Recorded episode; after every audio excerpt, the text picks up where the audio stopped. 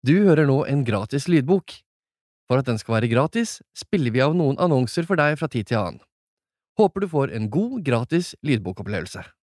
Denne boken er beskyttet av åndsverksloven. Den inneholder informasjon om kjøper og kan spores ved ulovlig fildeling. Aslak Nore, en norsk spion, avsnitt én av ni. En norsk spion av Aslak Nore Boken ble lest av Aksel Aubert. Casablanca Første del Dubai 15. til 17. mars 2011 Oppdraget var å rekruttere en iransk avhopper. Den jobben var vi tre om. Vi ankom hver for oss. Jeg våknet da innflyvningen til Dubai International Airport ble annonsert, rettet meg opp og stirret ned på det mørke Hormuzstredet og lyshavet på landsiden. I morgen skulle oppdraget begynne. Byen glitret, skyskraperne, de opplyste motorveiene, de kunstige arkipelagene som buktet seg ut i havet. Dubai var et bedrag, en oppkomling, en forgjeldet livsløgner med de beste klærne og dyreste vanene. For vår tids krig var byen det Lisboa og Casablanca hadde vært under andre verdenskrig. Nøytrale lytteposter, nedsunket i dekadanse og gjennomsyret av etterretningsfolk fra alle sider. På hotellrom og kjøpesentra under meg ble en hemmelig krig utkjempet. I Dubai kunne du aldri vite hvem som var alliert eller fiende, og jeg merket en mild uro blande seg med spenningen. Jeg hadde ikke vært i felten siden det smalt, og etter den gangen hadde jeg lovet meg selv aldri å vende tilbake. Iraneren het Reza, og var en høyerestående offiser i den iranske revolusjonsgarden. Før avreise hadde vi gått gjennom informasjonen. Reza hadde noen uker tidligere dukket opp på radaren i Beirut da han etablerte hemmelig kontakt med en norsk diplomat. Reza hevdet å sitte på informasjon om hvordan iranerne jobbet med å undergrave den norske ISAF-styrkens innsats i Nord-Afghanistan. Strategien var ganske velkjent. Iranerne betalte lokale landsbymullaer og sendte falske mobilvideoer rundt for å hisse folk opp mot nordmennene. Det nye var at en høytstående revolusjonsgardist snakket om saken. Han hadde også hintet om at disse opplysningene bare var en smaksprøve på det han hadde å tilby, dersom opplysningene kunne byttes mot sikkerhet for seg og sin familie. Avtalen var at vi fikk opplysningene, Reza fikk norsk statsborgerskap og ny identitet, i den rekkefølgen. Jeg gikk raskt gjennom de sterile korridorene på flyplassen, forsøkte å se for meg Rezas ansikt, en middelaldrende iraner uten noen spesielt distingverende trekk. Men et fotografi forbereder deg aldri 100% på det du skal møte. Jeg hadde ikke vært i Midtøsten siden sist jeg var på oppdrag, men jeg kjente for så vidt Emiratene godt. Min kjennskap til regionen skrev seg primært fra Libanon, hvor jeg hadde studert og lært arabisk før jeg ble viklet inn i tjenestens nett. Beirut var en forlokkende blanding av arabisk gjestfrihet og middelhavshedonisme den kulturløse materialismen i golfen hadde aldri appellert til meg på samme måte.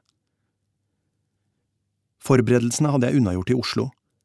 Dubais geografi var møysommelig gjenoppfrisket, dens parker og gatenett, champagnebarer og restauranter, shawarma-stands, gallerier, horehus og de luftkondisjonerte kjøpesentra jeg forsto utgjorde byens nav. Vi hadde memorert kameraer, dødsoner, baktrapper og fluktruter fra Alburstan Rotana, hoteller der Reza skulle være innlosjert, men forberedelser er bare én del av en operasjon. Alle forbereder seg. Det er hva du gjør på bakken som skiller de som oppnår resultater fra de som ikke gjør det. Immigrasjonskontrollen var full av lettkledde nordeuropeere, indere i fargerike sarier, samt arabere og asiater i alle typer bekledninger. Oversminkede damer med hermévesker og myk egyptisk overklasseaksent fra Zamalek, alvorlige menn med lett trimmet brorskapsskjegg, gulfaraber i sandaler og hvit tvab. Grensekontrolløren, også han i en tradisjonell hvit drakt, gransket venstrehånden min vaktsomt da jeg la passet på skranken, som om han så rett gjennom skjorta til det lyserøde arret som begynte mellom tommelen og pekefingeren min, og som strakte seg opp under skjorteermet helt opp til nakken. Håret mitt var svart, ansiktet markert med høye kinnbein og en neserot som begynte mellom de kraftige øyenbrynene mine. Utseendet var en fordel som operatør, fordi jeg kunne gli umerkelig inn i folkemengder i alle land rundt Middelhavet og langt inn i Sentral-Asia. Jøden kalte de meg da jeg vokste opp. Til slutt vinket passkontrolløren meg motvillig igjennom. Jeg lente meg mot de doriske søylene ved bagasjebåndet. I bagen hadde jeg utstyr som var trygt å frakte over landegrensene. Falske pass og elektronisk utstyr lå deponert i Dubai. Bagen dukket opp utenfor mange skrammer. Jeg gikk gjennom tollen og ut i den store ankomsthallen. Avtalen var at jeg skulle møte Kåre, min makker, på flyplassen. Sist vi hadde jobbet sammen, hadde alt gått galt. Jeg så etter ansiktet hans i mengden. Den gullforgylte palmen midt i rommet var vårt avtalte møtested. Men ved palmen sto det ingen. En lav nordeuropeer i lilla T-skjorte og lyse bukser kom gående mot møtepunktet. En fremmed mann trippet rundt foran utgangen. Nei, det var ikke han. Ganglaget var et annet. Hvor var Kåre? Helvete! Etterretning er venting. Etterretning er utsettelse. Jeg kjente stresset komme krypende. Noe hadde gått galt. Frykt og fare er ikke det samme. Fare er en relativt objektiv størrelse. Den kan kalkuleres og estimeres av all verdens analytikere og risikoeksperter nesten slik meteorologene snakker om været. Risiko settes opp mot gevinst, og du kan sette to streker under svaret. Frykt er noe annet. Den handler nettopp om mangel på kontroll, en følelse av kaos. For en etterretningsoperatør er det avgjørende å kunne balansere de to. Frykt og fare, hjerte og hjerne. Det var egentlig derfor jeg hadde sluttet i tjenesten. Jeg visste ikke om jeg lenger hadde roen. Det avbalanserte, evnen til å se igjennom det andre tok for gitt. Du har ikke kontroll i felten, kun instinkter. Du har ikke kontroll i en by, men i det ligger også dens sjarm og gravitasjonskraft. En by er en organisme, med horder av mennesker, der summen av alles handlinger skaper frihet – og kaos. Deri ligger det en etterretningsmann frykter. Her er alt mulig. I Dubai kunne alt skje. Men jeg var tilbake.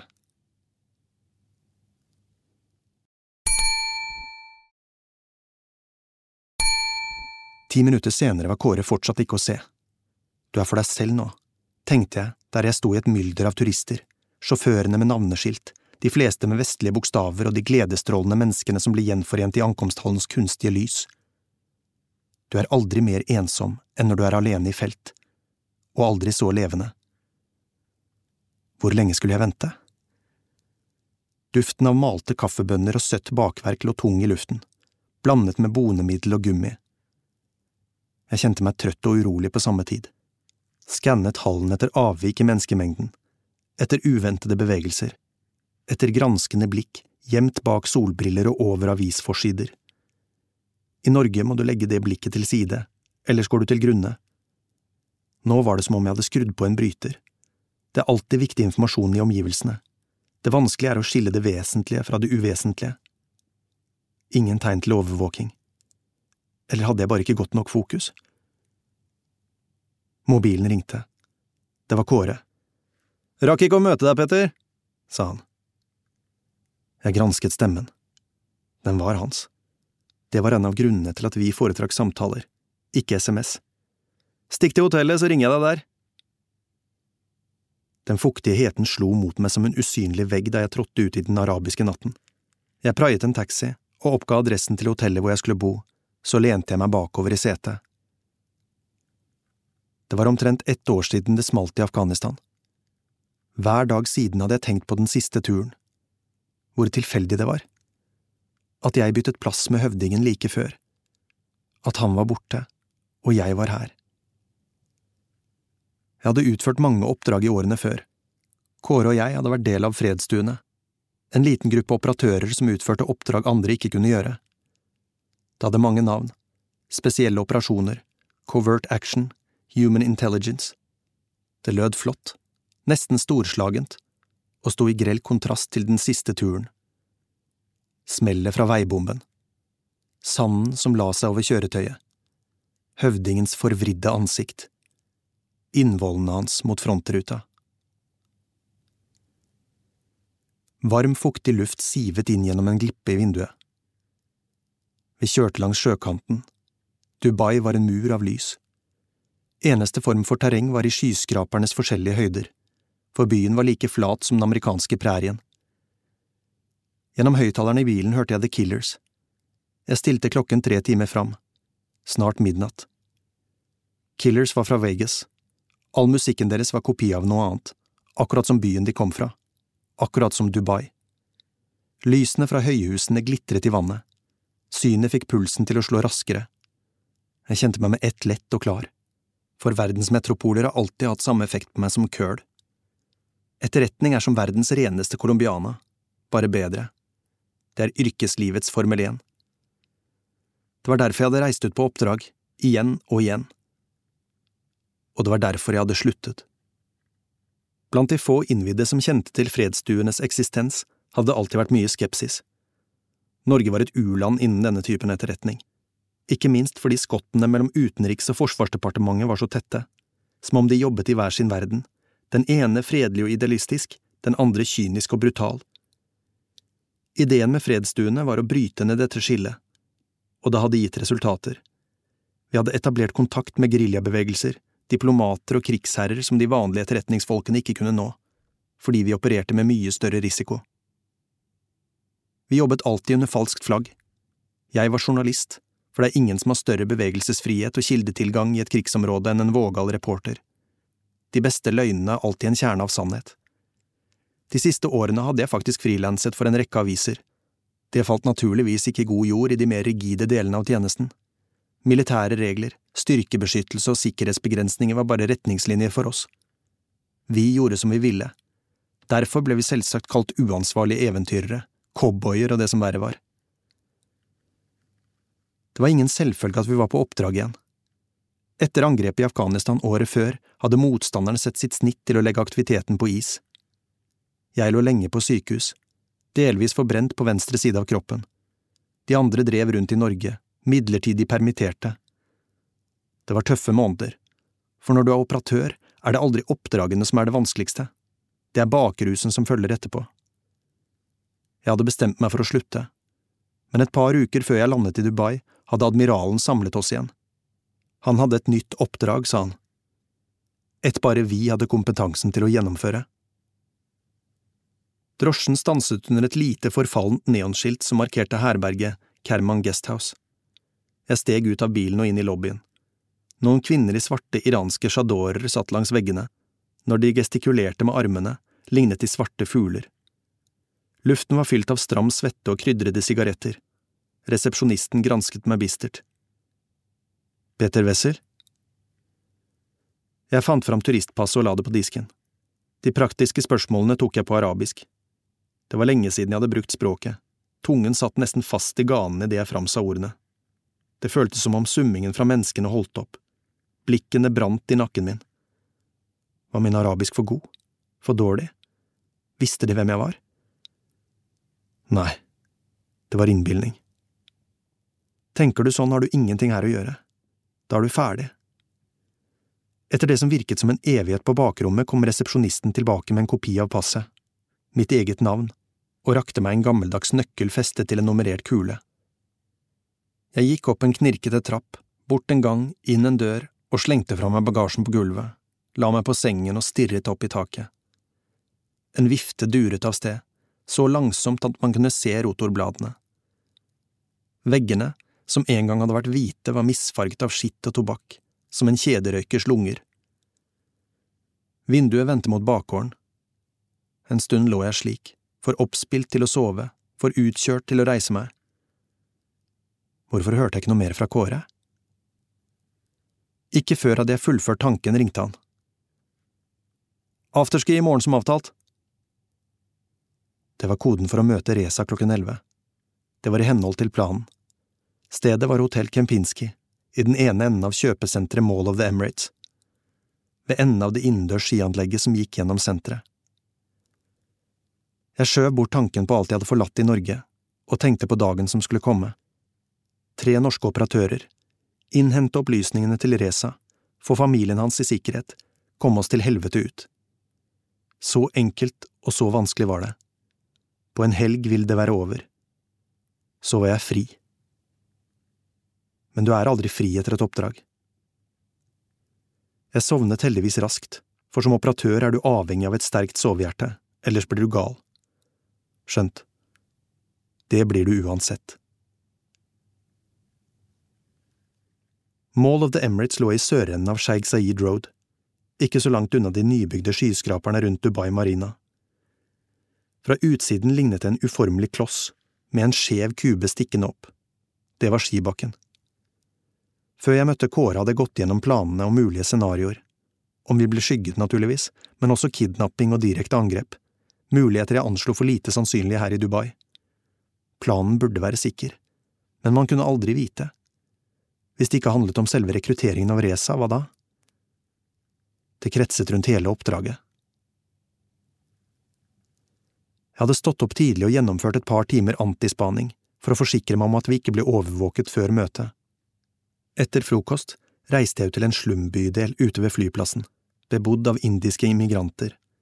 Som vestlig journalist skilte jeg meg ut der, men det ville mine eventuelle overvåkere også gjøre. Deretter dro jeg til et badeland ute på den kunstige halvøya De Palm. Overvåkere hatet bassenger.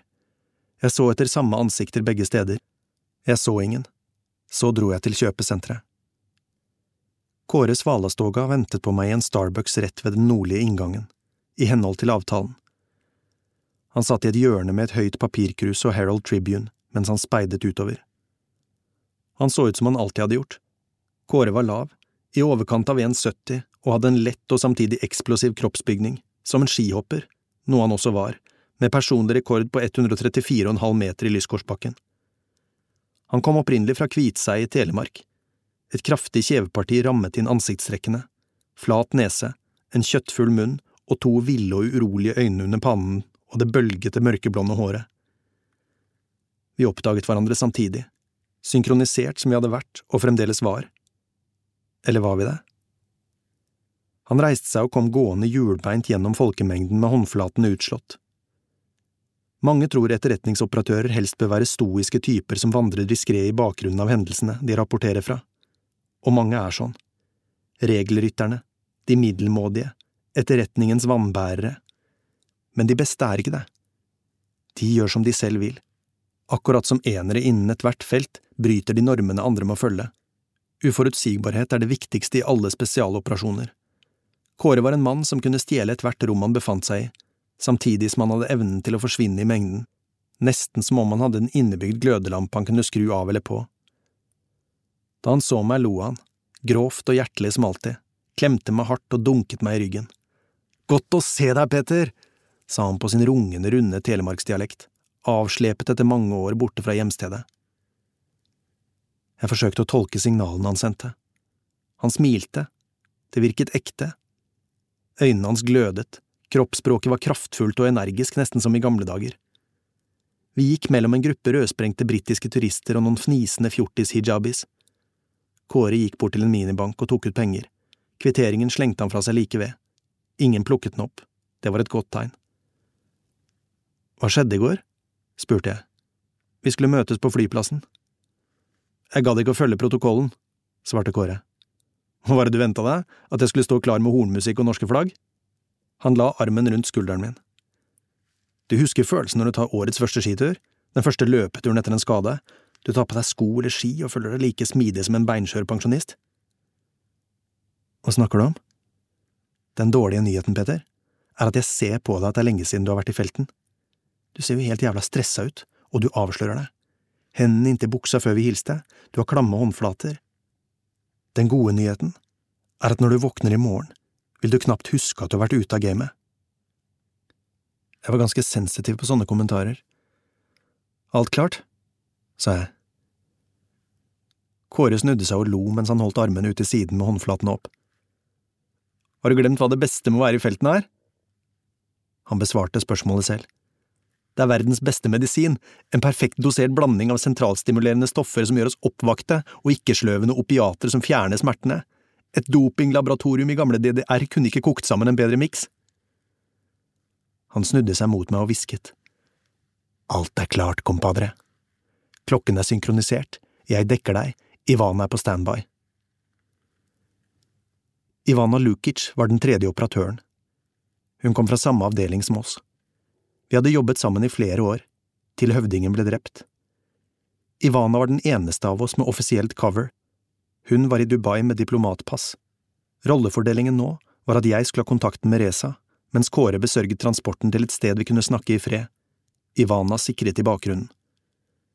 Han klappet meg på hodet. Godt å ha deg tilbake, Peter. Godt å være tilbake. Mens jeg gikk alene mot Hotell Kempinski som lå i den ene enden av kjøpesenteret, analyserte jeg Kåres reaksjoner da vi møttes. Jeg fant ingenting utenom det vanlige. Var det et godt eller dårlig tegn? Vi hadde ikke jobbet sammen på nesten et år, etter høvdingens død. Kåre hadde vært tett knyttet til ham, enda tettere enn meg, og hadde tilbrakt mye tid på egen hånd i tiden etterpå. Han lot til å være over det, men du kommer aldri over en kollegas død. I beste fall forsoner du deg med det. Kempinski var utformet som en tyrolsk alperesort, med mørkt trepanel på veggene og panoramisk utsikt mot den snølagte bakken som skrånet ned gjennom et sylindrisk atrium. Mellom resepsjonen og panoramavinduet lå en sirkelformet bardisk med høye krakker. Der satte jeg meg. Klokken var straks elleve. Utsikten var god. Jeg kunne skimte det avdempede lyset i hotellobbyen. Naturligvis het den Aspen. Reza kom presis til avtalen. Jeg skannet området. Tre barnevogner, to menn som leste aviser i sofagruppene, en eldre sjeik som vandret gjennom rommet. Etter øvelsene tidligere samme dag var jeg nokså sikker på at vi ikke ble overvåket. Men hva med Reza? Vi måtte stole på at han hadde ristet av seg eventuelle overvåkere. Jeg gjenkjente ham umiddelbart fra bildene vi var blitt forelagt. Han trippet lett og usikkert rundt i det store rommet mens blikket flakket til alle kanter. Akkurat det virket mindre tillitvekkende enn vi hadde forutsatt. Enten var han ikke så god som vi trodde, eller så hadde han noia. Rundt ham gled en stadig strøm av turister og velstående lokale familier, liksom hypnotisert av lobbyens musak. Da jeg så en gruppe østasiater komme virrende inn i lobbyen, tenkte jeg at øyeblikket var inne.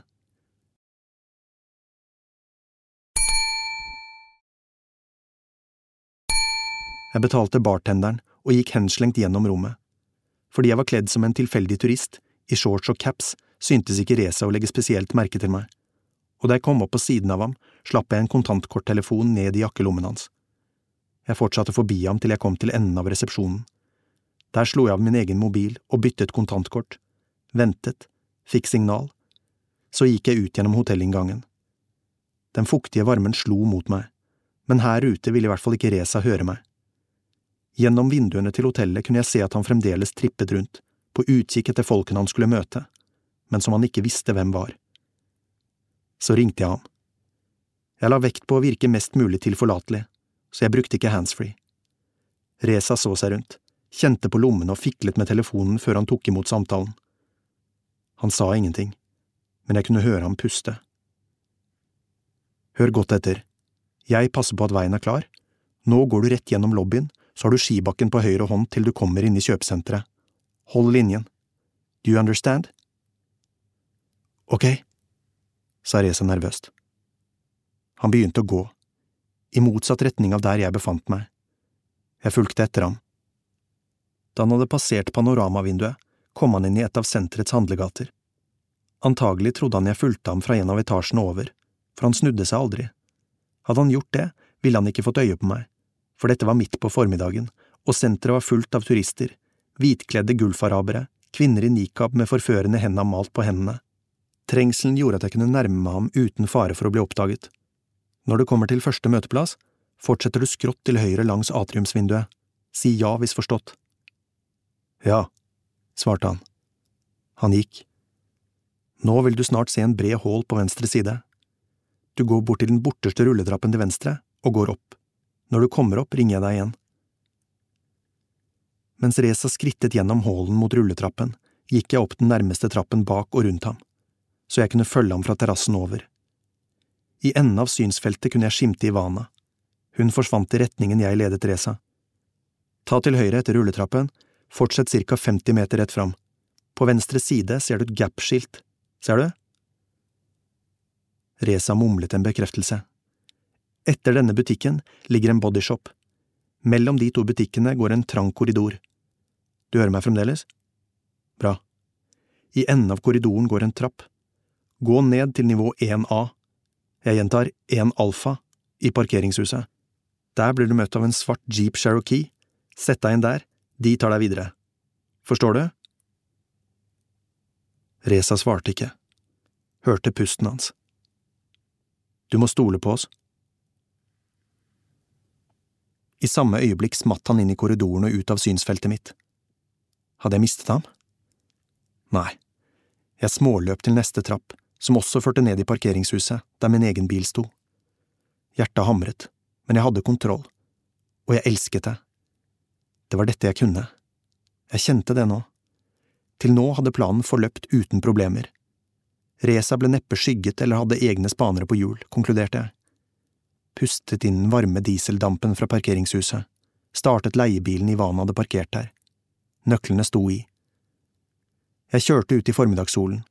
Utkjøringen fra senteret kunne være komplisert, man kjørte seg lett bort til trafikkmaskinene nedenfor. Derfor hadde jeg gått gjennom ruta noen ganger med kart og bilder. Men jeg hadde ikke kjørt den. Det ville gi våre motstandere anledning til å planlegge dersom vi var under observasjon. Jeg tok ut på trafikkmaskinen og svingte av til Dubai Marina, og videre ned mellom høyhusene som sto innhyllet i varm dis. Pickup-punktet, stedet jeg skulle overta Reza, var en parkeringsplass mellom Dubai Marina Yacht Club og Hotell Byblos. Ikke for mye trengsel, ikke for forlatt, uten kameraer, med gode inn- og utkjøringsmuligheter i begge retninger. Det var perfekt. Klokkene våre var synkroniserte, jeg svingte inn på den halvfulle parkeringsplassen i samme øyeblikk som jeg så den svarte jeepen komme fra andre siden.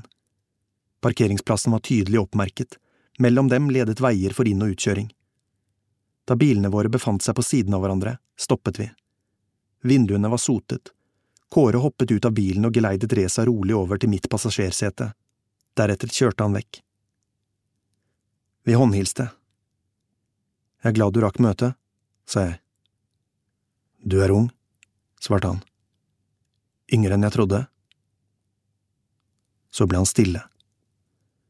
Han var rundt 50, det visste jeg, men han virket eldre. Jeg skimtet mørke flekker rundt armhulene. Det kunne være varmen. Det var noe annet. En eim av svette, etterbarberingsvann og sigaretter fylte bilen.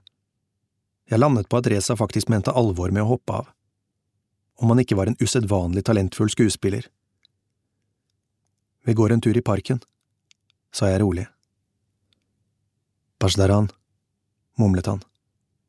Se hva de gjør med landet mitt. De styrer alt. Ødelegger. Han snakket fort og usammenhengende. Jeg lot ham gjøre det. Pasdaran var et annet navn på revolusjonsgarden. Jeg ga ham en flaske vann. Familien min, sa Reza lavt. Han snakket godt engelsk, med iranernes distinkte aksent som om han klemte ut ordene gjennom en trutmunn. Alt handler om familien min. Min datter, snart tolv, min sønn på femten. Hensynet til dem. Det er alt for meg. Gjør det som vi har blitt enige om, lander både du og familien din i Norge med visum om et par dager. Al-Safa-parken lå et kvarters kjøretur unna. Jeg kjørte ut på Sheikh Zaid, som forbandt den nybygde marinaen med de eldre delene av byen lenger nord, der mitt hotell lå. Til venstre kunne jeg skimte Burj al-Arab-hotellet, som lå som et gigantisk seil i den disige horisonten vendt mot havet. Byens trafikk fløt lett og uanstrengt. Ingen kjørte over hundre. Foran oss lå nybygde downtown Dubai. Skyskraperne blinket i solen. Burj Khalifa, verdens høyeste bygning, pekte Reza uoppfordret, og pekte på den høyeste av bygningene. Den lignet et tårn. Han virket litt mer komfortabel nå. Hadde ikke sett seg i sidespeilet på flere minutter. Du vet hva som er Dubais problem i framtiden? Er vel nok å ta av, sa jeg. Finanskrise, gjeld, tomme bygninger. Energi, avbrøt Reza flatt. Bygningene blir varme på grunn av solen. Det går med en formue til aircondition. De slipper unna med det nå, fordi oljen i praksis er gratis her. Men hva skjer når prisene stiger? Han viftet en nesten professoral pekefinger og så spørrende på meg. Men inntektene øker også med høyere oljepris, innvendte jeg. Dubai er ingen oljeby, sa Reza, i motsetning til hva alle tror. Rikdommen er bygget på noe annet. Jeg trakk på skuldrene og lot ham snakke videre. I en slik rekrutteringssituasjon er informasjonssamling viktig men ofte er den psykologiske balansen vel så avgjørende som å få med seg alt informanten sier. Det er som i livet ellers. Hvis noen føler seg lyttet til, er de gjerne mye mer villige til å dele informasjon. Ved skiltet til Jumeirah Beach svingte jeg til venstre. Boulevardene, de lave, nybygde husene og de planerte palmealleene kunne minne om Miami eller Santa Monica. De hadde en aura av uvirkelighet. Ved inngangen parkerte jeg bilen og gikk ut. I parken myldret av alt fra fanatiske joggere til cricketspillere og bengalske storfamilier på piknik. De nøt våren. Mars var ikke like infernalsk som sommermånedene her. Den behagelige luften satte liksom Reza i balanse, for snart var han langt inne i å fortelle historien om sitt eget liv. Han kom fra byen Tabriz i nord. Reza var i og for seg utypisk for medlemmer i det høyere offisersjiktet i Quds, som gjerne hadde lavere middelklassebakgrunn fra de religiøse byene i det sentrale delen av Iran. Han var utdannet ved universitetet i Teheran. Som så mange andre studenter hadde han tatt del i revolusjonen mot sjahen. Han hadde tjenestegjort i hæren under krigen mot Irak og gjort karriere i revolusjonsgarden på nittitallet. Jeg hadde reist nok i revolusjonsgardens interessesfære, foruten Libanon, Syria, Kurdistan, Irak, Afghanistan, til å kjenne virksomheten og menneskene bak. Som student hadde jeg bodd i Libanon, og der visste alle hva iranerne sto for for gjennom revolusjonsgarden var det de som grunnla Hizbollah tidlig på åttitallet. Revolusjonsgarden var som navnet indikerte, en del av Irans forsvar spesielt beregnet på å verne den islamske revolusjonens idealer. Måten den opererte uavhengig av de konvensjonelle væpnede styrkene, kunne overfladisk minne om forholdet mellom SS og Wehrmacht i Det tredje riket, selv om denne sammenligningen naturligvis haltet, fordi revolusjonsgarden, tross den lange rekken terrorangrep man knyttet til den, ikke drev folkemord og etnisk rensning. Garden kontrollerte blant annet de paramilitære gatepøblene i Bajij, en slags iransk stormabteilung som gjerne banket opp demonstranter og regimekritikere i iranske byer. Men den virkelig interessante og urovekkende delen av revolusjonsgarden var Quds Force, Jerusalem-styrken. Det var de som hadde ansvaret for å spre revolusjonen til andre land i Irans interesseområder. Jeg lot Reza snakke ut. Vi satt på en benk under et mandeltre med duftende hvite blomster. Foran oss blinket vannet fra en fontene i solen. Reza så på meg. Jeg er nasjonalist, jeg ønsker en sterk iransk nasjon, uten innblanding fra andre. Hvorfor tror du jeg går til deg med dette? Fordi dagens iranske regime har sviktet sine nasjonale idealer. Vår president har blitt mer opptatt av å tekkes publikum i andre land, den arabiske mannen i gata i Kairo eller Damaskus, enn å føre en politikk som gagner mitt land. Reza snakket om politikk med autoritet, som en mann som var vant til å bli hørt. Vi er et muslimsk land. Det er en viktig del av vår kultur, men vi er også en annen og langt rikere sivilisasjon enn araberne. Våre kongesagaer og poesi, Ferdowsi, Rumi eller Den store Hafiz, som alle iranere har i hylla ved siden av Koranen, uttrykker vår nasjons sjel. Det er en splintret sjel, mellom Zoroaster og Imam Hussain, som nektet å underkaste seg det korrupte Umayyad-kaliffen, mellom islam og nasjonal bevissthet. Jeg lyttet med stor interesse, for det var viktig at jeg dannet meg et presist bilde av denne mannen og hans beveggrunner for å hoppe av. Skal du være en dyktig etterretningsoperatør, må du forstå motivet, sa alltid admiralen. Reza talte med en pato som forekom meg typisk for mange intellektuelle fra Midtøsten og Sentral-Asia, der historie, religion og de nasjonale mytologier levde i folks bevissthet på en langt mer gjennomgripende måte enn i Vesten. Det var en eksplisitt del av dagliglivet og den offentlige samtale. Du er åpenbart en intellektuell og dannet mann, sa jeg. Hvorfor valgte du en karriere i revolusjonsgarden? Reza vred på seg, ukomfortabel med spørsmålet. Revolusjonen i Iran hadde bestått av en bred allianse av religiøse krefter, venstreradikale og studenter, men raskt hadde de religiøse kreftene vunnet. Revolusjonsgarden var den fremste manifestasjonen av deres makt. Hvorfor tror du Den islamske republikken fremdeles eksisterer? spurte han retorisk. Ja, delvis skyldes det naturligvis de uvitende iranske massenes higen etter å underkaste seg et rent og klart tankesystem som samsvarer med deres dype religiøse tro, samt å tilby en sterk leder. Du er europeer, dere kjenner jo dette fenomenet bedre enn de fleste. Du svarte ikke på spørsmålet.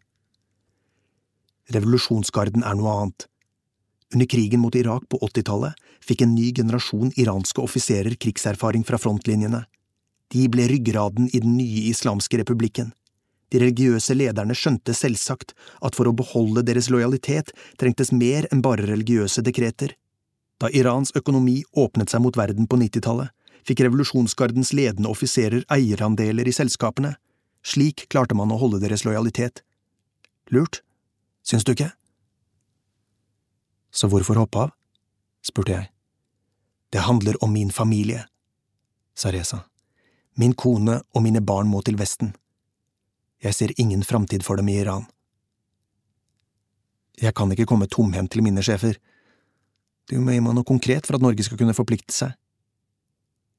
Reza snakket om Quds Forces kompliserte forhold til maktspill i Afghanistan. Opprinnelig hadde Iran vært bekymret for sunni-ekstremistene som utgjorde Taliban og Al Qaida. De hadde støttet den eneste større etniske gruppen sjiamuslimer i landet, de marginaliserte hazaraene. Nå var det hele blitt mer komplisert. Du, dette kan jeg lese på Wikipedia, sa jeg. Du må skjønne én ting, fortsatte han. Iran er en stor aktør. Iran vil forme regionen men de balanserer. De vil ha Vesten ut, et stabilt vestlig Afghanistan er ikke bra for deres egen revolusjon, derfor støtter de Taliban. Men ikke for mye. For Taliban er i lommen på Pakistan, og Iran vil ikke ha pakistansk dominans så nære sin egen grense, og Iran vet at israelerne og amerikanerne snart kan bombe dem. Jeg fornemmet noe av kameleonens opportunisme i Reza. Det var mange grunner til å forlate den iranske revolusjonens skip nå. Du vet ingenting om hvordan det virkelig er i Iran. For meg var sommeren 2009 et vendepunkt. Unge iranere mot regimet, frihet og demokrati, ikke bare de amerikanske flosklene, men noe dypt og ekte. Det rystet meg. Jeg kunne ikke lenger støtte opp om revolusjonsgardens virksomhet. Det som skjer i Tunisia og Egypt nå, er noe av det samme. Det er nye tider i denne regionen. Jeg lyttet med betydelig skepsis. Men eh, hvorfor snakker du med Norge? Hvorfor går du ikke til folk fra andre land med opplysningene dine? Han gjorde en teatralsk pause. Fordi Norge vil ha interesse av å hjelpe meg når jeg forteller alt jeg vet. Iran planlegger å trappe opp aksjonene mot norske interesser, sa han. Mange norske liv vil gå tapt. Hvorfor vil de ramme Norge spesielt? Reza smilte et øyeblikk. Flere grunner men primært fordi dere er Natos svakeste ledd. Andre land tåler døde. Det gjør ikke Norge. Rezas uttalelse var et syn på norsk humanitære og fredsskapende arbeid som ville tatt seg dårlig ut i norsk offentlighet. Men jeg mistenkte at han hadde rett. Det satte meg ut et øyeblikk. Likevel lot jeg ikke Reza forstå at jeg lot meg affisere av det han fortalte. Det kan være, men det er ikke nok, sa jeg. Teheran liker dårlig hva Norge driver med i Vest-Afghanistan. Det politiske spillet, dialogen med opprørsgruppene der, det er en direkte trussel mot Iran og våre interesser, forstår du? Jeg nikket. I midten av april skal den hemmelige norske fredskanalen tas ett skritt videre. Nordmennene er ikke dumme.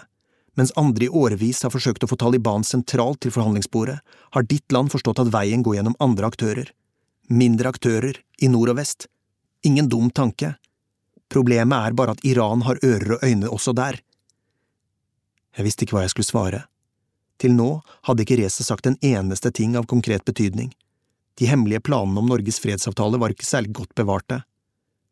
Men jeg hadde en følelse av at han snart ville gjøre det. Jeg trenger noe mer håndfast. Du kjenner frihandelssonene her på havna i Dubai? Selvsagt.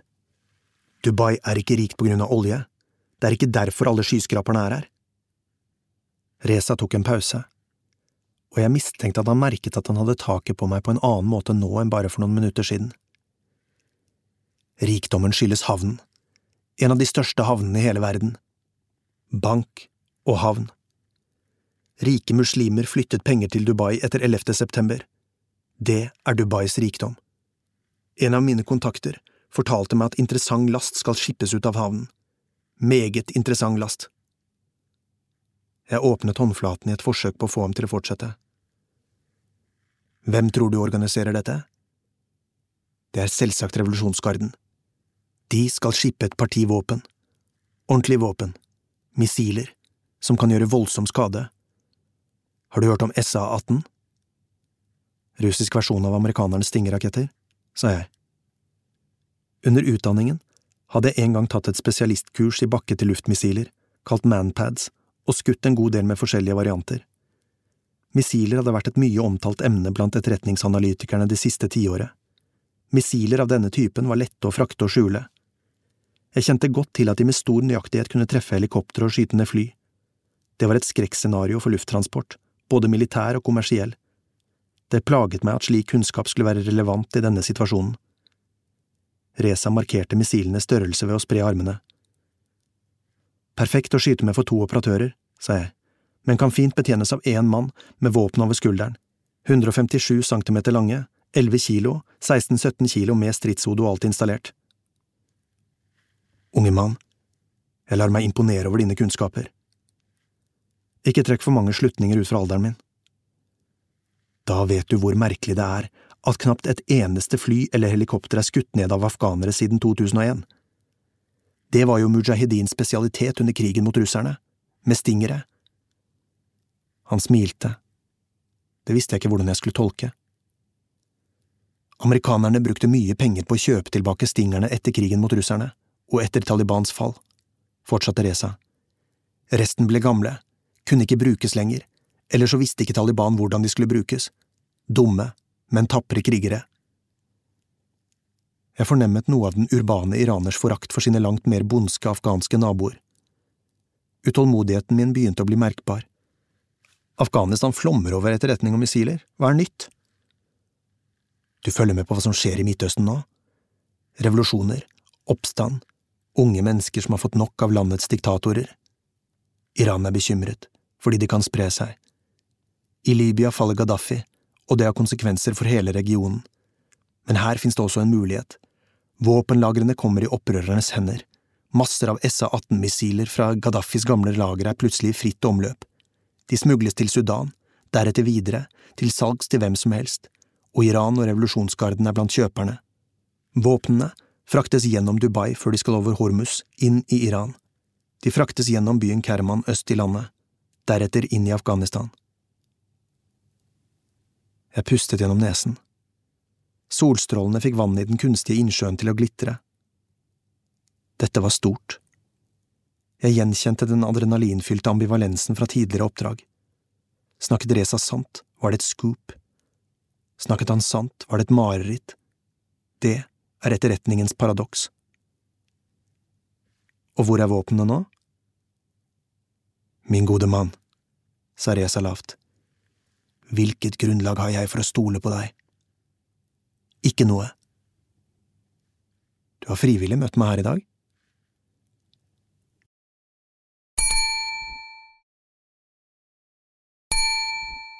Reza stoppet opp og snudde seg mot meg. Var ikke du opptatt av kunst en gang i tiden, unge mann? Eller var det kameraten din? Kalligrafi? Europeiske maleres portretter av Orienten? Eller har du mistet interessen? Hjertet mitt hoppet over et slag. Hvordan i helvete visste han det? Kjenner du til Gallery 53? fortsatte han. Et av de beste nye kunstgalleriene. Ikke langt unna her. Stikk innom i kveld. Hva skjer der? Da får du vite mer. Ta med deg visumbekreftelse, fortsatte Reza. Gjør du det, skal jeg fortelle deg mer. Visum mot opplysninger. I omvendt rekkefølge, sa jeg og stirret hardt på ham. Måtte ikke gi ham fullstendig overtaket nå. Informasjon er for etterretning hva høyde er for infanteristen. Har du mer enn motstanderen, vinner du. Det var et spill. Reza var proff, jeg merket det. Iraneren ristet på hodet. Min gode mann, nå skal du høre på meg. Om du gjør som jeg sier, skal jeg fortelle deg nøyaktig hvordan du får stanset våpnene når de fraktes ut av havna i morgen kveld. Missilene er lette å skjule. Forsøker du å lure meg, ser du våpenet igjennom tre uker, midten av april, nærmere bestemt den 13. april, når de har blitt brukt mot dine landsmenn. Han la høyrehånden på hjertet til hilsen. Så reiste iraneren seg og gikk mot utgangen av parken. Solen sto lavt. Det var fremdeles hett, Likevel skalv jeg over hele kroppen. Gallery 53 lå mellom Dubais gamle bysentrum og høyhusene ved marinaen i New Dubai. På venstre side av Sheikh Zayed Road, bak noen lave varehus og lagerbygninger, ikke langt fra parken jeg hadde vært i med Reza tidligere på dagen. Den hvite fasaden lå klemt mellom andre mindre iøynefallende foretak. Rent bortsett fra bilene som sto parkert utenfor, to Ferrarier og en hvit Bentley var de første jeg fikk øye på, var det lite som bar bud om glamour. Selve bygningen var oppført i en pregløs gråhvit farge. Langs utsiden sto noen palmetrær i malplasserte terrakottakrukker. Første del av oppdraget hadde forløpt etter planen, men hadde like fullt en dårlig følelse. Reza var ikke en å undervurdere, og hadde han rett i det han fortalte, var det viktig å behandle informasjonen riktig. Heldigvis trengte han også oss. Vi var hans billett til frihet. Jeg gledet meg til å se Ivana. Hun hadde straks skjønt alvorlighetsgraden da jeg hadde fortalt mine kollegaer om Rezas informasjon. Ivana var allerede på galleriet. Kåre tok ansvaret med å rapportere til Oslo, men skulle komme senere. Jeg gikk mot inngangen, hvor noen yngre folk sto og røyket. Til min lettelse så jeg at de var totalt neddresset og vestliggjorte, åpenbart mer hipstere enn de aggressive saudiprinsene som gjorde byens hotellbarer og horehus utrygge. Selv var jeg kledd i mørk Paul Smith-jakke med lyseblå pikéskjorte under, kamelfargede kinos og tøysko. Det så ut til å være et godt valg. Gjort deg lekker for de persiske prinsessene? spurte Ivana. Det skarpe sunnmørske tonefallet med de tykke balkanellene var ikke til å ta feil av. Det var noe østeuropeisk og postkommunistisk over henne, en type disiplinert og kynisk intelligens man sjelden fant i Norge. Jeg hadde en teori om at kvinner som henne nesten bare kom fra mannsdominerte samfunn, der damene fremdeles måtte ha maskuline egenskaper for å slå seg fram. Damene er ikke så opptatt av mote, de tenner på poesi, vet du vel, sa jeg. Har pugget versene til Ferdowsis iranske kongesagaer. Jeg strøk henne diskré på armen. Men det er ingen andre for meg enn deg, Ivana, du vet vel det? Spar meg. Hun himlet med øynene. En balkandame med høye hæler er nesten for mye, du har jo verdens lengste bein fra før. Jeg likte ikke å snakke om min egen bakgrunn, men Ivana holdt kortene enda tettere. Litt visste jeg. Noe vil kollegaer alltid snappe opp. Hun hadde vokst opp i den bosniske byen Mostar og kommet til Norge i 1993 etter at moren, som anestesilege og de tre barna ble reddet av en dansk-norsk kolonne. På morssiden hadde hun bosnisk-muslimske røtter. Faren, en bosnisk-kroatisk ingeniør, ble drept i kampene. Allerede før jeg møtte Ivana, hadde jeg hørt rykter om hennes intelligens. Som tiåring hadde hun deltatt i matematikk-OL i Ljubljana. Etter bare få måneder i Norge var hun best i norsk skriftlig. Selvsagt ble hun beste elev på Ørsta videregående skole, som hun ble det på Forsvarets russiskkurs. Mindre selvsagt var det at tjenesten hadde klart å rekruttere henne. Men det gjorde de, og det var slik vi møttes. Hælene hennes klakket i bakken ved siden av meg. Den hvite, luftige blusen var bare en anelse transparent, og hælene på de svarte skoene nesten urimelig høye. Men hun veide opp for det, med konservative dressbukser som ikke utstrålte noe annet enn strictly business. 1,78 uten, 1,86 med, sa Ivana og stirret rett fram. Har du lagt merke til at alfahanner alltid håndhilser framoverlent med håndflaten skrått ned? Intimideringsteknikk, den svake part blir stående med posituren til en tigger. Samme med hælene mine, for å få overtaket på mennene her nede. Golfarabere tror europeiske kvinner er det tredje kjønn, et sted mellom kvinne og mann. Under framstøtet mot Reza tidligere på dagen hadde Ivana holdt seg i bakgrunnen. Hun hadde fikset kjøretøyene og koordinert, men hun jobbet ikke undercover. Hun var i Dubai med diplomatpass. Derfor skulle vi ikke ha kontakt uten at det var planlagt på forhånd. Vi hadde likevel bestemt oss for å komme begge to til galleriet, for hva var vel mistenksomt med at to nordmenn, en journalist og en diplomat, dro sammen på fest? Grensene var alltid flytende. Nordmenn i utlandet var alltid involvert i hverandres business. Solen var i ferd med å gå ned i ørkenen i vest, men brant fremdeles i ryggen på oss da vi gikk over parkeringsplassen. Ivana hadde noe distinkt middelhavsaktig over seg, det lange, svarte håret og de buede øyenbrynene. Ansiktshuden hennes var blek og skinnende, nesen ørlite buet. Det var et ideelt utseende for folk i vår bransje. Ivana kunne gå på gaten alle steder mellom Lisboa og Kabul uten å vekke oppsikt. Når kommer Kåre? spurte hun. Han har aldri forstått kunst, det vet du jo, sa jeg. Blir nok ikke ferdig med rapporten før nachspielet, tipper jeg. Du har alt du trenger når du møter Reza? spurte Ivana. Har du ringt ham på kontantkortnummeret? Jeg kjente etter i jakkelommen og dro fram en kopiert bekreftelse av visumet. Ikke til Reza selv, men til familien hans. Vi kunne ikke risikere å gi ham alt han ba om. Ikke ennå. Det er en smakebit. Jeg ringer hvis han ikke dukker opp. Hvor er han forresten? spurte Ivana og så seg rundt. Han burde være her nå. Han kommer, svarte jeg. I foajeen ble vi tatt imot av en tungt sminket kvinne på min egen alder, i en enkel, liten sort kjole og et utseende som ikke riktig lot seg plassere. Hun hadde iranerens harde, renskårne ansiktstrekk og den plettfrie gyllenbrune huden som kjennetegner så mange kvinner fra India og Pakistan, og som gir dem deres særegne femininitet. Alt ved henne, fra rougen i ansiktet til manikyren og klærne, hadde et diskré og eksklusivt preg. Ivana betraktet henne mistroisk. Kuratoren doserte med britisk aksent. Hun sa hun het Terane. For et vakkert navn, utbrøt jeg før jeg presenterte Ivana og meg selv. Selv var jeg journalist, mens Ivana var en meget lovende ung diplomat. Hvor kommer navnet ditt fra? spurte jeg. Iran, svarte Terane. Min far er derfra, min mor er fra Pakistan. Den kosmopolitiske auraen hun utstrålte ble ytterligere forsterket da jeg trådte inn i utstillingsrommet. På de minimalistiske hvite veggene hang spredte kalligrafiske trykk, ikke arkaiske vers fra Koranen, av den typen man finner i moskeer, merket jeg meg, men inskripsjoner fra iransk mytologi blandet med moderne graffiti. En munter og forventningsfull atmosfære fylte rommet, sammen med unge, vakre mennesker av alle slag. Indere, østasiater, arabere, europeere, iranere. Jeg fikk et glass musserende i hånden og skålte med Ivana og Terane. Vil du ikke fortelle meg om denne flotte kunsten? spurte jeg. Reza var ennå ikke dukket opp, og vi kunne like gjerne benytte anledningen til å få med oss utstillingen. Terane geleidet oss raskt og hjertelig, om enn avmålt profesjonelt gjennom rommet, mens hun fortalte om bildene og kunstneren bak. En ung iraner som kombinerte den eldgamle persiske skrifttradisjonen med motiver og verktøy fra vestlig gategraffiti.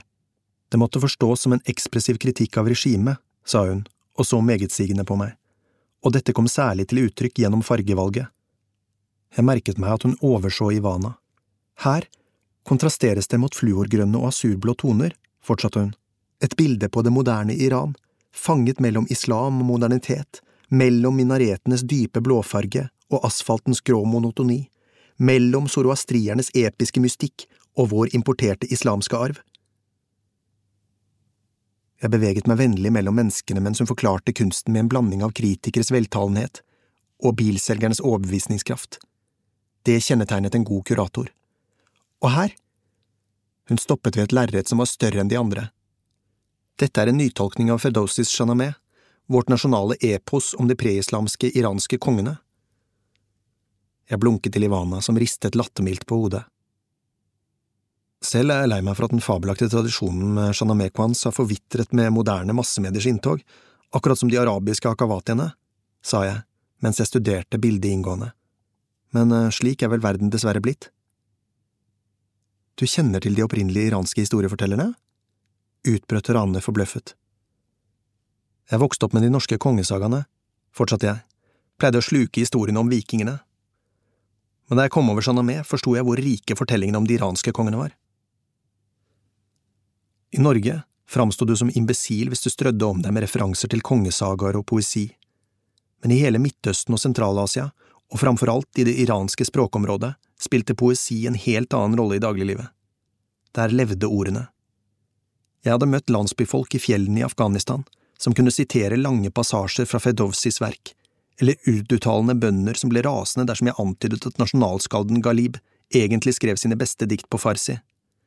Unge hipstere i Teheran brukte persisk gullalderpoesi i popmusikk og musikkvideoer. Så Terane, med din tokulturelle bakgrunn, kan vi fastslå om Galib skrev sine beste dikt på persisk eller urdu? smilte jeg. Du er ikke sann. Min mor og far pleide å krangle om det. Far hevdet alltid at Galib egentlig skrev på farsi, fordi det var et litterært språk i motsetning til urdu. Men min mor hadde rett. Kom igjen, har du egentlig lest Galib? Hva tar du meg for? De to damene smilte oppgitt til hverandre, for første gang. Peter Wesser, sa en stemme bak meg på norsk.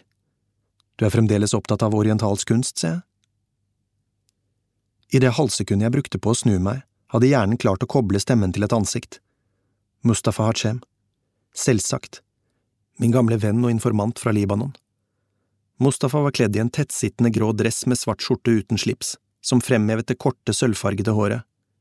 Han var middels høy, fremdeles slank og spenstig i skrittene. Var han ikke midt i førtiårene nå?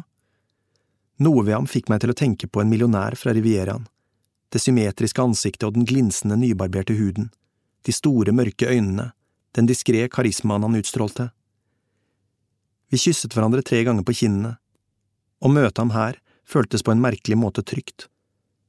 Jeg introduserte Mustafa for kuratoren og Ivana. Var det ikke du som fortalte meg at kalligrafien, utsmykkingen av Guds ord, ikke-vestlig inspirert billedkunst, er det sterkeste symbolet på kunst i den muslimske verden? Ja, ja, ja. Han lo det vekk. Jeg hadde møtt Mustafa Hachem første gang i Beirut noen år tidligere, da jeg studerte der, og han drev et kunstgalleri. Nesten alle oppdragene mine de siste fem årene var knyttet til Mustafa, men nå hadde jeg altså truffet ham helt tilfeldig. Det siste jeg hadde hørt fra Norge, var at han hadde utvidet forretningsvirksomheten til å omfatte usbekiske tepper. Det overrasket meg ikke. Hachem var en sjiamuslimsk libaneser som vokste opp i byen Tyr, en by med sterkt innslag av iranere, geistlig eksil fra shahens regime, og selv om arabisk var hans førstespråk, snakket han også feilfritt farsi.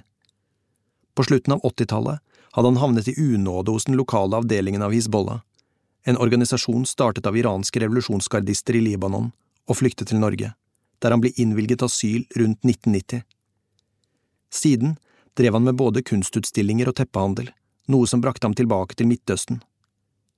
Jeg tenkte på hvordan jeg rekrutterte ham i Beirut, den gangen for mange år siden, og hvordan vi hadde sittet i butikken hans og diskutert kalligrafi, storpolitikk, historie, forskjellen på iranske og libanesiske kvinner. Men Mustafa var ingen ideolog, han var opportunist, det var derfor han var en så god informant. Han visste alltid hva som foregikk. Hans diskré og behagelige vesen fikk alle til å føle seg vel i hans nærvær. Hachem var den første kontakten jeg rekrutterte for tjenesten. Gjennom jobben kjente han alle, Beirut-sosieteten, rikfolk, politikere, utenlandske etterretningsfolk. Hans kontaktnett ble en gullgruve for oss. Hva gjør du i Dubai nå? Hachem grep noe fingermat og gransket lokalet mens han svarte meg på en blanding av norsk, engelsk og arabisk. Kose meg. Kunstscenen i Dubai blir stadig viktigere. Dessuten er det et viktig brohode til Afghanistan. Der kan du fremdeles gjøre scoop, tepper som mangedobles i verdi så fort du krysser grensen. Gjenstander fra museene i Kabul selges på svartebørs. Han la pekefingeren over leppene. Hysj, smilte han. Det er vel eh, umoralsk, tenker jeg. Jeg smilte. Moral victories is for minor league coaches. Hvem sier det? JC. Godt å se deg, Peter. Skal du til eh, Afghanistan snart? Nei, ferdig med det. Bedre å skrive reise- og kunstartikler for eh, livsstilsmagasiner. Jeg blunket og så på Terane. Synd. Jeg drar dit eh, veldig snart, men eh, du får kose deg i Dubai, Peter. Han bukket høflig til Terane, snudde seg og gikk.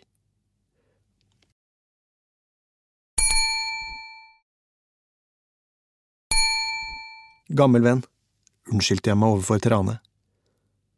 Han virket som en hyggelig mann, sa hun. Libanesere er alltid hyggelige, smilte jeg. Hvem er eh, kjøperne her på galleriet? Hun trakk på skuldrene. Vi har mange kunder, rike lokale folk, en og annen vestlig, og mange iranere.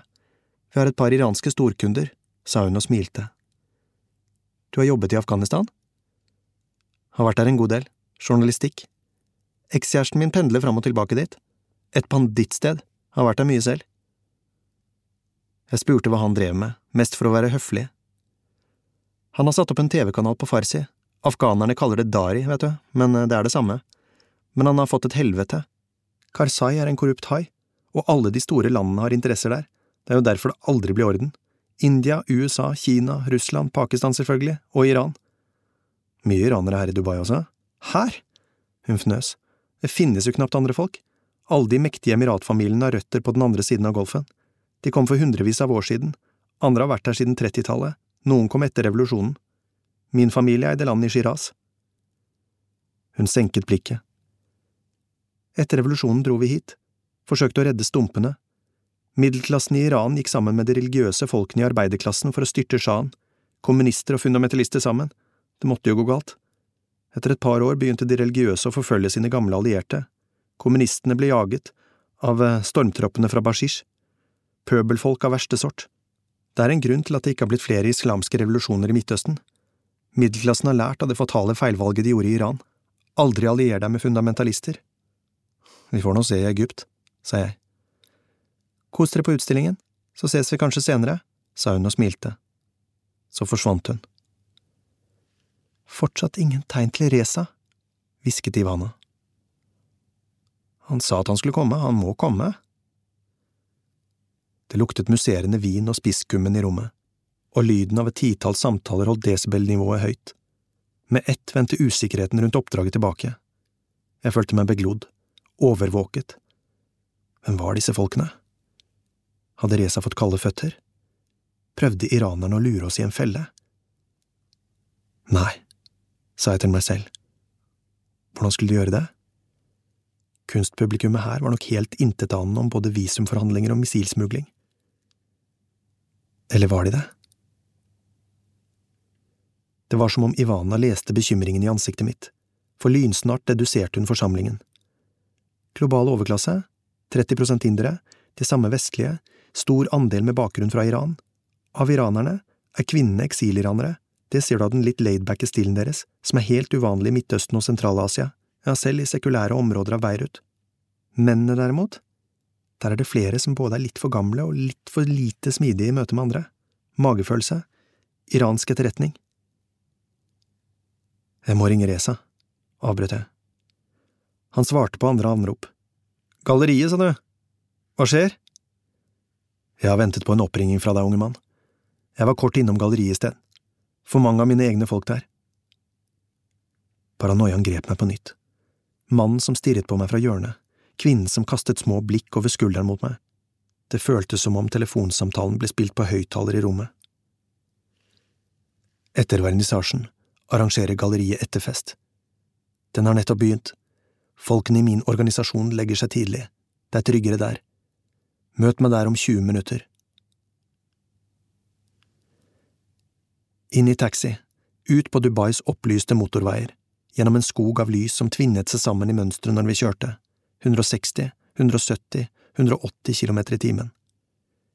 Etter hvert ble lysene svakere og bygningene langs veien fikk en spøkelsesaktig nimbus, halvferdige og tomme som de ofte var. Ivana satt i baksetet med meg. Etter å ha kjørt et kvarters tid innover i det ørkenlignende landskapet, kom vi til et herskapelig og hvitkalket hus bygget som en arabisk borg.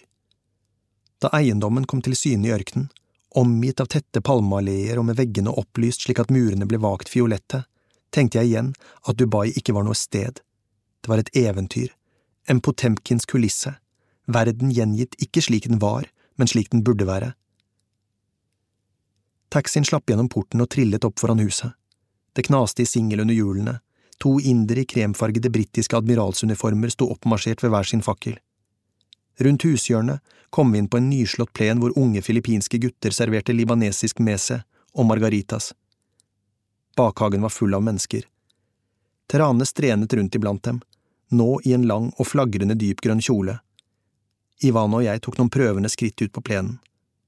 Blikkene. Jeg så meg rundt. Ett blikk fra et menneske er tilfeldig. To blikk fra samme person er det ikke. Da skrittet en mann ut av skyggen. Reza. Han hilste kort og ledet meg forbi en paviljong og mellom to lave tjenesteboliger, ned en trapp og inn på et toalett. Jeg smatt inn etter ham. Heldigvis var det ingen tjenere eller noen andre der. Reza sto med ryggen til ved ene pissoaret. Jeg stilte meg ved siden av ham, dro den sammenbrettede visumbekreftelsen opp av lommen og holdt den mellom fingertuppene foran ansiktet hans. Vi holder hva vi lover, sa jeg. Reza holdt papiret granskende opp foran seg. Nei, dere gjør ikke det. Han ristet på hodet. Hva mener du?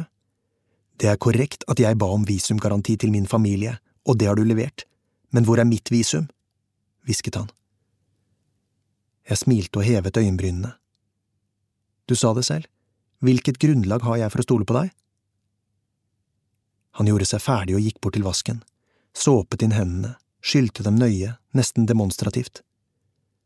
Billetten din ligger trygt forvart, visumet ditt er klart, men jeg trenger mer, konkret info om missilene. Reza tok ett skritt fram.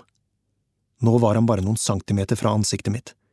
Ånden hans luktet krydrede sigaretter og svakt av alkohol. Stakkars jævel, tenkte jeg. Garantert nervevrak. Jeg sier deg én ting, unge mann. Forsøk aldri med trusler mot meg. Jeg holdt blikket hans. Det fins en Cods Force-kommandant som styrer alt, sa Reza, som behersker paramilitær krigføring og det politiske spillet i Afghanistan.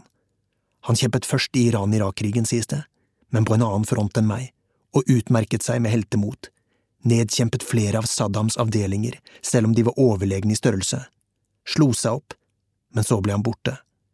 Det sies at han har tilbrakt flere år i Europa, vært i Libanon og Palestina, Irak, amerikanerne og israelerne har vært etter ham i årevis. Det er han som er mesterhjernen bak våpentransporten. Det er han som skal ramme Norge. Reza smilte. Nøt han dette? Hvem er han? Han heter Amir Katami, hvisket Reza. Jeg har aldri møtt ham. Det finnes ingen bilder av ham. Kanskje er han bare en myte. Hvem vet? En mann som truet norske mål. Ham måtte vi finne. Hvem eh, fører meg til denne Katami? Du har mot, unge mann. Det liker jeg, men mot er ikke alltid fornuftig. I morgen skal jeg føre dere til våpnene, så dere får stanset missiltransporten. Det har jeg lovet og det løftet skal jeg holde. Men Katami vil ikke være der. Katami får du aldri. Forstår du? I det skarpe lyset over vasken så jeg at han svettet. Den eneste lyden var brummingen fra luftkondisjoneringen. Jeg følte meg ikke mye høyere i hatten, men jeg håpet det ikke syntes. Det var nå eller aldri, så jeg tok sjansen på en løgn. Dette er et narrespill, sa jeg og gjorde tegn til å gå. Katami er en person alle organisasjoner kjenner til. Jeg var ikke sikker på om det stemte. Selv om du pakker det inn på en konspiratorisk måte, har du ikke fortalt meg en dritt. Tenk på visumet nå, og hvem som egentlig sitter med de beste kortene på hånden.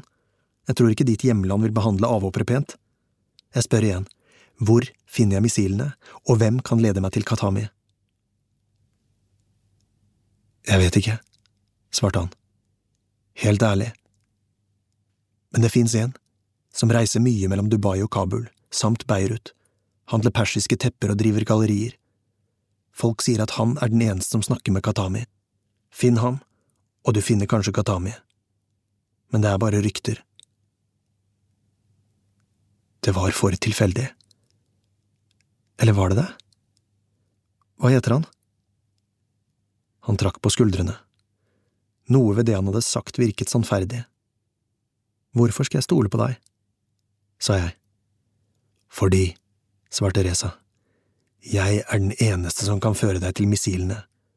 Havna i Dubai er stor, mange kilometer. Du finner dem aldri om du ikke vet hvor du skal lete. Hva skal det bety? Reza stirret på meg i speilet. Det luktet klor og urin. Han hvisket. Jeg vet ingenting om aksjonen. Alt jeg vet, er hvor våpnene kommer til å være i morgen. Iran er et stort land. Missilene blir fraktet utenfor rekkevidde for Irans fiender. De vil bli ført inn i landet av profesjonelle smuglere og forvart i dekkhus og kasjeer dere ikke kjenner til. Iran kontrollerer Vest-Afghanistan, spesielt Herat. Forstår du alvoret? Vil du stoppe våpnene nå, må du gi meg visumet. Ingen av oss har råd til å la den andre i stikken. Han lukket døren etter seg. Jeg slo springvann i ansiktet som blandet seg med de varme svetteperlene i pannen min. Det finnes en som reiser mye mellom Dubai og Kabul samt Beirut, handler persiske tepper og driver gallerier. Det kunne ikke være Hatsjem. Det var for tilfeldig. Men kanskje var det ikke så tilfeldig likevel? Visst faen kunne det være Mustafa Hatsjem. Jeg gikk tilbake ut i hagen, grep et glass og la tabbouleh-salat, hummus og lam på tallerkenen. Kåre var også kommet. Vi sto i skyggen av noen tette sedertrær. Oppspilt hvisket jeg hva iranerne hadde fortalt, om missilene og Amir Katami, om Hachem som jeg hadde møtt, og som kunne lede oss til ham. Hachem, ja, sa Kåre. Litt for mye av en sølvtunge etter min smak. Jeg tror Reza har rett. Hvis noen kjenner en type som Katami, er det ham, han er jo her i Dubai. Vi må ta en prat med ham før vi drar hjem. Kåre tok en margarita på styrten. Kanskje det? Han gjorde en grimase. Men vi skal ikke finne Katami. Når oppdraget er fullført, skal vi tilbake til Norge. I morgen. Jeg drar til hotellet, sa Ivana. Er ikke mer å få ut her uansett. Møtes i morgen tidlig. Dere bør ikke være sene i seng dere heller, gutter. Hun snudde seg og gikk. Kåre hevet øyenbrynene. Ivana den grusomme trenger å myke opp litt. Ser du hun der? Terane sto sammen med et par mørke sørasiater. Inder, antok jeg. Kuratoren. Snakket med henne i sted. Hun hadde visst jobbet mye i Afghanistan. Godt vi ikke skal til det gudsforlatte stedet på en stund, sa Kåre og ristet lett i skjortekragen.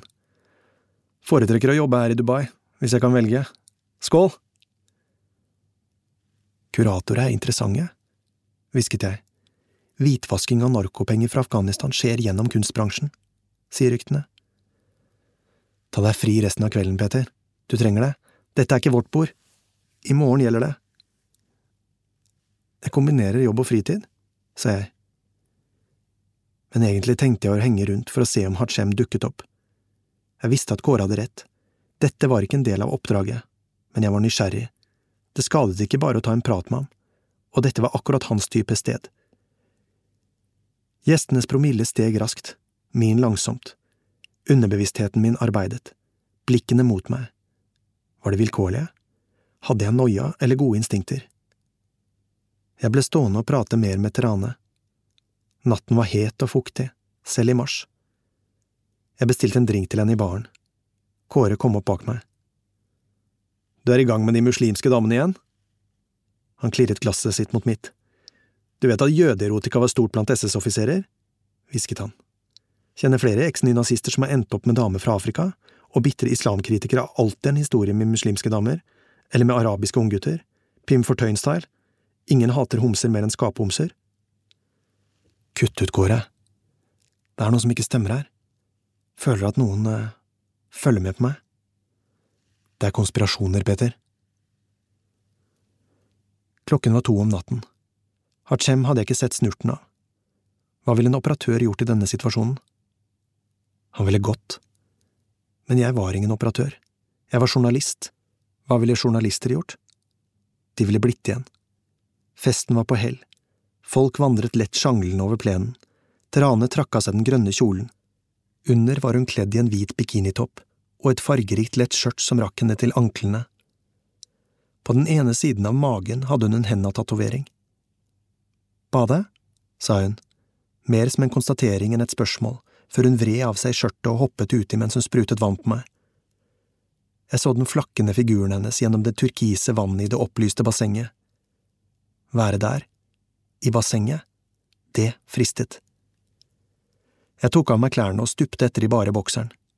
Terane grep fatt i meg. Vi duppet i bassengkanten. Rihanna, eller var det Drake, eller var det begge to over anlegget? Palmene svaiet lett over oss. Kjente kroppen hennes mot min, varm og samtidig lett hutrende. Bare en centimeter skilte ansiktene våre nå. Hun grep armen min rundt håndleddet, førte hånden min ned under bikinikanten.